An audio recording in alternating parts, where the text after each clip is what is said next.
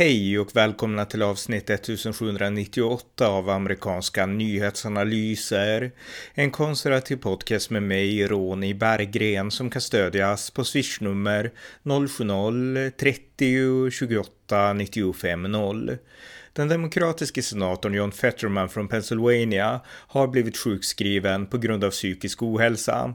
Men granskades Fetterman tillräckligt kritiskt av media innan han vann valet förra året? Den frågan diskuterar jag här tillsammans med journalisten Pelle Zackrisson. Varmt välkomna! Pelle Zackrisson, välkommen! Tackar. Vi poddade en hel del under mellanårsvalet i november förra året och en konsekvens av det valet, det var att det blev en demokratisk senator från Pennsylvania som kom in i senaten som heter John Fetterman. Och vi har inte hört så mycket om honom de senaste månaderna riktigt, mer än att han vann. Men nu har det kommit en ny nyhet om honom. Kan du berätta lite om, om, det, om det senaste? Ja, jo, det var ju så att uh, John Fetterman hade, han, bakgrunden lite kort är att han vann valet trots att han hade eh, att han led av en stroke och han hade talproblem och, och, han hade också svårt att höra så han fick läsa allting som sades till honom från skärmar. Eh, och nu har han blivit inlagd då på... Han, han vann valet i Pennsylvania, ja, alltså till ja, senaten, ja. mot Dr. Ross där i, i Dr. Ross, precis. Mm. Ja, jag tänkte jag återkommer till det sen. Men, men, så nu har han då lagt in sig själv på eh, för, eh, ja, men han, har, han är psykiskt sjuk helt enkelt. Så han, eh, han har lagt in sig själv för öppenvård för psykisk eh, klinisk depression och han förväntas vara på Walter Reed Walter Reed sjukhuset i Maryland. Så han förväntas vårdas där då i ett, minst ett par veckor är uppgifterna nu. Eh, och det här att man söker klinisk eh, vård för klinisk depression, det är ju inte som att börja gå till en psykolog utan det är, då är det riktigt allvarligt. Så att eh, han är, han är, han är sannolikt i riktigt dåligt skick och om man tittar på hur det här rapporteras om i medier och hur även politiska motståndare pratar om det i medierna så är det inte det är liksom ingen som attackerar Fetterman utan folk, även från högerkanten, de, Eh, han pratar om det här som att eh, det här är någonting, eh, ja, alltså att de hopp, önskar att han ska återhämta sig. Så att det är liksom folk generellt pratar om att, ja, han, ja, det här är på riktigt. Men mm. det finns också den här aspekten. Som... En av dem, jag kan bara skjuta in, ja. en av dem som önskar honom väl, det är Donald Trump Jr. Han, han intervjuades av Mary Taylor Greene ja. och de, de sa att vi, we wish him well ungefär. Ja, men det, jag tycker att det är ganska, det är väl värt att poängtera för också för politiska, liksom de som följer politik här i Sverige att, att, ja, att man gör så i USA, att det finns den traditionen. Mm. Och, och, då är liksom Donald Trump Jr. anses ju inte direkt vara någon, eh, vad ska vi säga, eh, någon diplomat i sin politiska, sin politiska mm, argumentation. Men det finns ju också den här aspekten på att eh, varför eh, kommer det här fram nu liksom och har man att, man har, att eh, media har släppt fram John Fetterman eh, till, eh, har man granskat honom innan han blev vald? Och jag tycker, har man dessutom behandlat honom, för han hade en historik innan han blev vald av mental ohälsa. Så det, det här är liksom inte, kom inte som en blixt från klar himmel. Men jag tycker, jag tycker inte att det här är någonting som man eh, från media eh, satte under, under lupp. För att eh, det är också så här att hans fru har nu bett om att man ska man ska låta familjen, alltså ge dem liksom, vad heter det, private... Tid, ja, tid ja, i fred. Ja men, ja, men de ska få vara i fred. Och ja, det, självklart, men han har ju ett ämbete så han har en väldigt offentlig position. Han är en av USAs hundra mest mäktiga makthavare. Och, ja, han, han behöver få vara i fred, men ska han då ha det ämbetet? Det är ju mm. jätteallvarligt. Mm, jag håller helt med. Och eh, jag tycker också att eh, eh, alltså det här borde man ha granskat tidigare, för han hade ju en sjukdomshistoria. Dels har vi det här med att han också hade en stroke och ja. så vidare. Så att, eh, ja. ja. Ja, men om vi backar bandet då lite grann till innan, innan han blev vald så kan vi ju bara rekapitulera att det var i maj som han fick den här stroken som, eh, och då rapporterade vänsterliberal media i USA, då rapporterade de om att eh, han fick stroken men att, eh, att han ja, han meddelade att han kommer återhämta sig och han ska göra en full recovery, alltså återhämta sig helt. Och att eh, var liksom inga, i stort sett inga kritisk, ingen kritisk granskning eller man intervjuade inte hjärn, Eh, hjärnkirurger eller experter och, och frågade men är det rimligt att en 52-53-årig man kommer att återhämta sig om man hamnar på en sån här position. Ehm, det var också så här att eh, Fetterman, eh, han vägrade ju lämna ut sina medical records och jämför man med den press som Donald Trump ställdes under och han, alltså han avkrävdes ju till och med att göra ett eh, prov. Att han under sin presidentskap, då skulle han göra ett, typ ett IQ-test och också bli undersökt av en, av en läkare och, och han, det här testet som Trump gjorde, det, det satte han ju perfekt. Mm. Ja, så. Ja, men det, det är intressant där då, eh, alltså det att när det gäller Fetterman där och då, det var ungefär som att eh, journalisterna sa så här, eh, han har fått ett stroke, det är ingenting, liksom se bara till att ni röstar på Demokraterna för att mm. liksom mm. annars så, så att jag menar, jag tycker att det fanns aktivism i liksom hur man bevakade mm. Fetterman, alltså man, man liksom hypade honom och han är sjuk, man får inte kritisera honom, det var ungefär den liksom känslan man fick när man följde valet där, i, ja, i primärvalet där. Ja, men det är ännu värre. Det är ju ableism, alltså att man Eh, att man eh, på något sätt eh, trycker fram någon person som inte bör vara där. Alltså man, man trycker fram en person så att han skadar sig själv.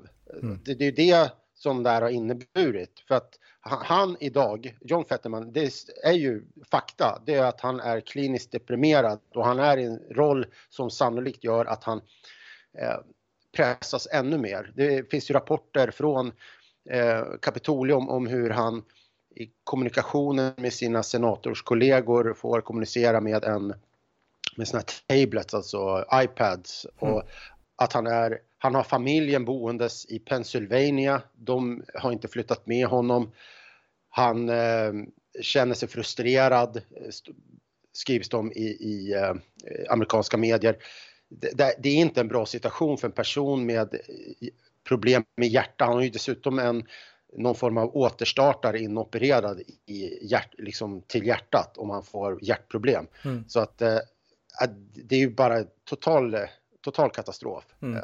Ja, verkligen. Nej, men alltså det här har ju gått ut över honom personligen och det verkar som att hans fru har varit pådrivande. Hon var ju mm. det förra året i alla fall i att han skulle kampanja, att han skulle kandidera mm. och eh, nu är vi i den här situationen. Jag menar, det här ja. är ju inte bra för, alltså han var ett redskap för Demokraterna att vinna, men, men det är också väljarnas fel, för jag menar, de kunde ändå se, jag menar på de här debatterna med Dr. Ross, att han kunde knappt prata, John Fetterman, alltså det var, det var inte, det var jobbigt att se den där debatten liksom mellan de två. Ja. Men, ja, men... Ändå, röstade väljarna på honom. Så att väljarna har ju lite sig själva att skylla också. Ja, jo, absolut. Men det är ju också media, det är viktigt hur media paketerar en sån här. Efter, efter debatten så då paketerar eh, MSNBC det på, hade en, eh, en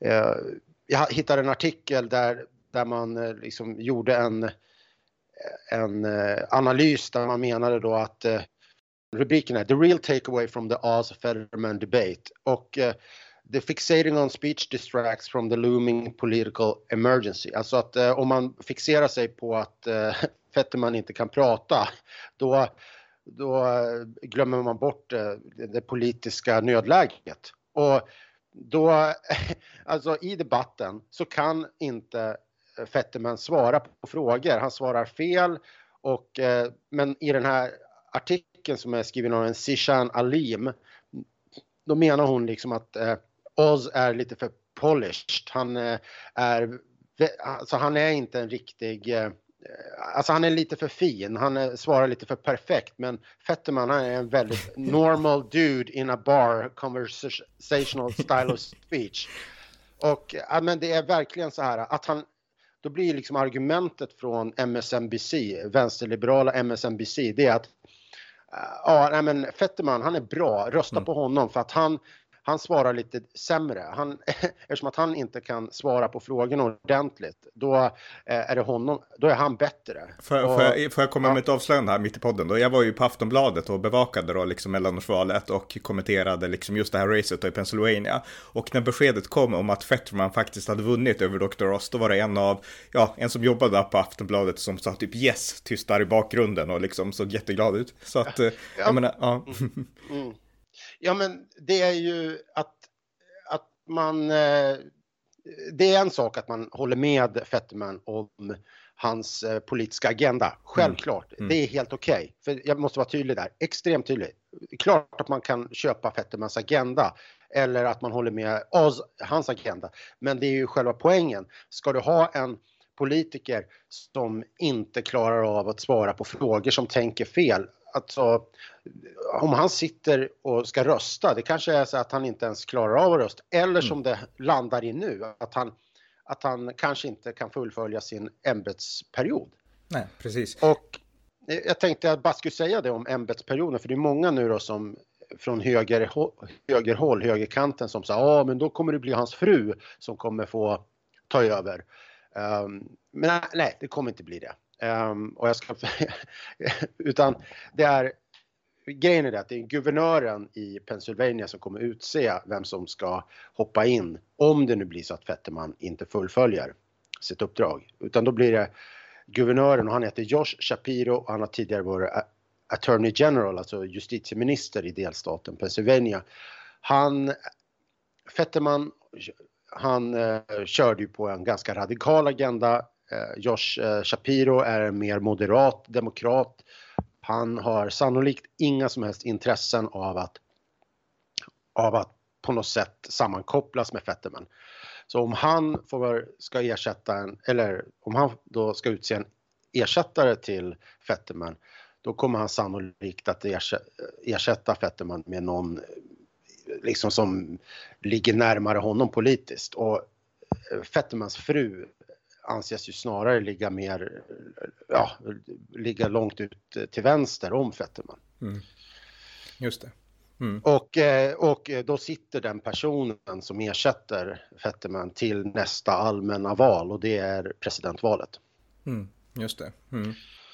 Så det är en liten utvikning där. Ja. Så att, Ja, intressant. Men jag tycker också, alltså, en parallell till man kan dra, därför att alltså, det som har hänt bara för att liksom, sammanfatta lite grann, det är att Fetterman var sjuk och ändå så liksom hypades han upp av media, han hade fått en stroke, han kunde inte prata, hela världen kunde se det på tv, han valdes in, Sen var han också kliniskt deprimerad, jag menar det här kan påverka politiken. Media så brydde sig inte om det och nu har det här hänt att han måste droppa ut i typ 12 veckor för att få medicinering och vara inlagd på mm. sjukhus och sådär. Och eh, jag menar tänk på Herschel Walker, den här mm. kandidaten i Georgia då, som, som visserligen förlorade, men han fick ju media emot sig och man sa att han har mentala problem och så vidare och han erkände och jag har det liksom. Men där var det ju en stor grej, så jag menar det är ju verkligen en dubbelstandard i hur media har bevakat liksom de här politikerna.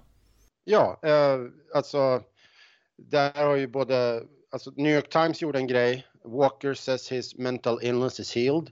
Experts says it's not so simple. Um, Mother Jones, en vänster, uh, en tidning, en, ett media långt ut till vänster uh, som avslöjade Mitt Romney by the way, um, när han sa det här om basket case. Jag kommer inte ihåg exakt mm. hans uttryck. Men hur som helst, de, sa, de har en artikel We need to talk about Herschel Walkers controversial mental health diagnosis. Och det här är då när han själv har sagt att han har fått hjälp för eh, sitt, eh, ja, sin psykiska, sina psykiska problem.